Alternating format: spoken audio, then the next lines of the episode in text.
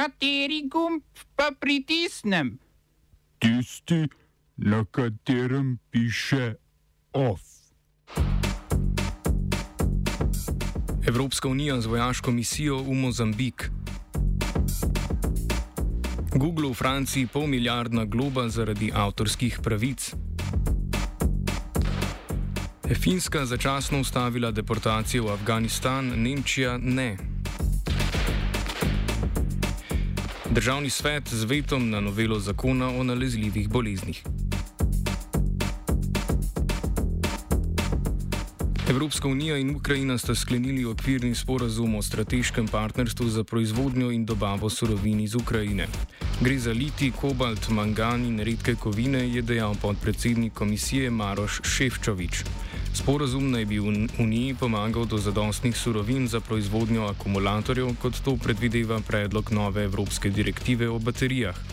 Poleg tega naj bi sporazum Uniji pomagal zmanjšati odvisnost od uvoza surovin, nujnih za proizvodnjo visoke tehnologije z Kitajske. Unija z Kitajske namreč uvaža kar 98 odstotkov redkih kovin. Vprašanje je, v kolikšni meri bo sporazum z Ukrajino to omogočil, saj zaenkrat vključuje le 750 tisoč evrov direktne pomoči Ukrajini. Ukrajinska podjetja in raziskovalne institucije bodo poleg tega dobile možnost črpanja evropskih sredstev za inovacije iz programa Obzorje Evropa. Ker še zmeraj govorimo le o milijonih in ne milijardah, komisija k investiranju v Ukrajino poziva tudi Evropsko investicijsko banko ter Evropsko banko za obnovo in razvoj.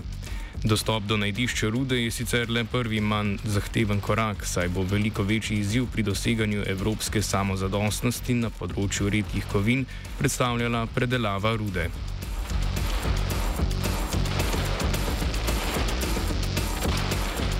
Surovine iz Ukrajine, vojska v Mozambik.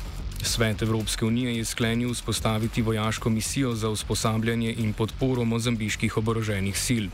Misija bo osredotočena predvsem na varnost v provinciji Cabo Delgado. Na z nafto in plinom bogatem območju mozambiška vlada od leta 2017 neuspešno vodi boj proti terorizmu. V državi na jugovzhodu afriške celine že deluje vojaška misija nekdanje kolonizatorke Portugalske.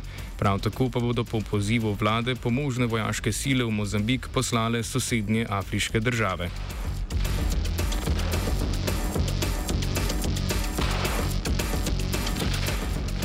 Francoska agencija za varstvo konkurence je podjetje Google oglobila s pol milijarde evrov kazni v sporu z mediji o plačevanju za poobjavo njihovih vsebin.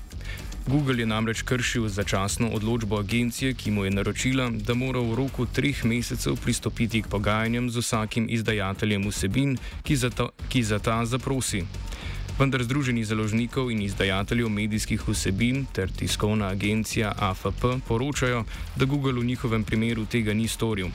Medijska podjetja od Google na podlagi Evropske direktive o avtorskih in sorodnih pravicah na enotnem digitalnem trgu zahtevajo plačilo za prikazovanje njihovih vsebin na Googlovih platformah, predvsem v storitvi Google News, kjer uporabnik pri rezultatu iskanja vidi tudi kratek povzetek novice.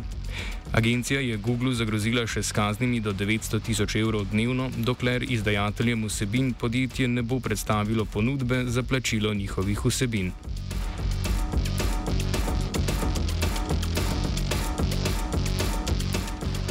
Francoski predsednik Emmanuel Macron in grški premijer Kirjakos Mitsotakis sta napovedala uvedbo obveznega cepljenja za zaposlene v zdravstvu. Do septembra naj bi v Franciji precepili vsaj 80 odstotkov zdravstvenih delavcev. Makronu pri zaenkrat še ohlapnih načrtih nasprotujejo sindikati delavcev v zdravstvu. Micotakis je podobno dejal, da morajo biti zdravstveni delavci cepljeni s 1. septembrom. Podoben ukrep je že marca napovedala Italija, kjer zdravstvene delavce v primeru necepljenja čaka enoleten suspenz z delovnega mesta.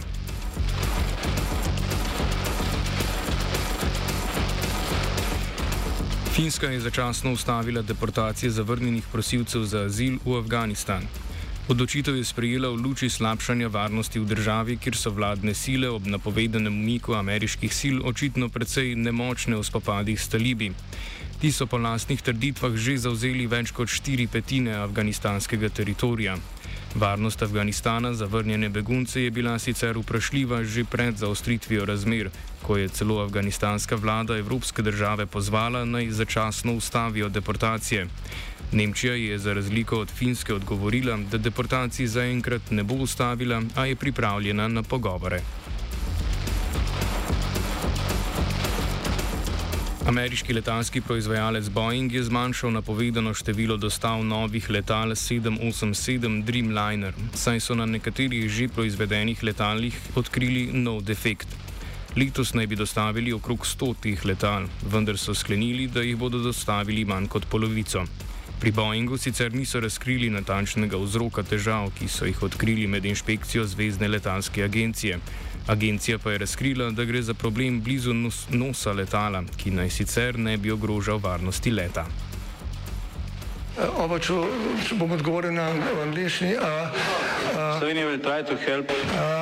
We can Slovenija will and we will do our utmost To say that the situation is our problem ourselves. and uh, We will make further steps as soon as the conditions are bomo vlado Marjana Cererja, Mira, Marjana Cererja Šarca podprli. uh, very, very serious.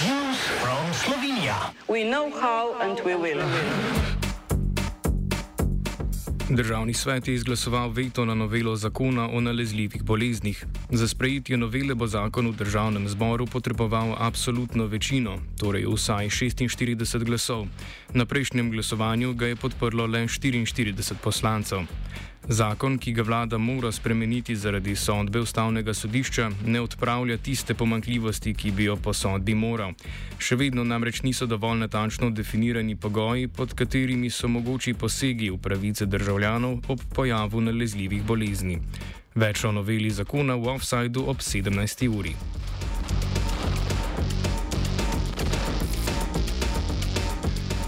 Državni svet je glasoval tudi o vetu na zakon o nujnih ukrepih na področju zdravstva, ki med drugim uvaja plačne dodatke županom, podžupanom, direktorjem občinskih uprav in ravnateljem. Svetniki, od katerih je večina predstavnikov lokalnih interesov, so predlog veka, veta kako pak zavrnili.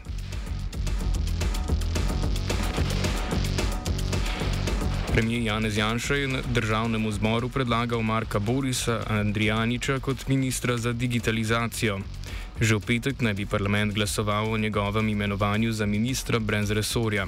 Kot vodja službe za digitalno preobrazbo naj bi vnuk očeta Krke koordiniral sodelovanje ministrstev pri izpolnjevanju seznama želja, ki ga je pripravil še kot vodja strateškega sveta za digitalizacijo.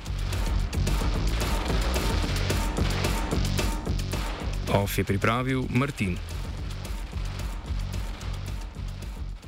Uh, Borut Pahor, 89,3 MHz.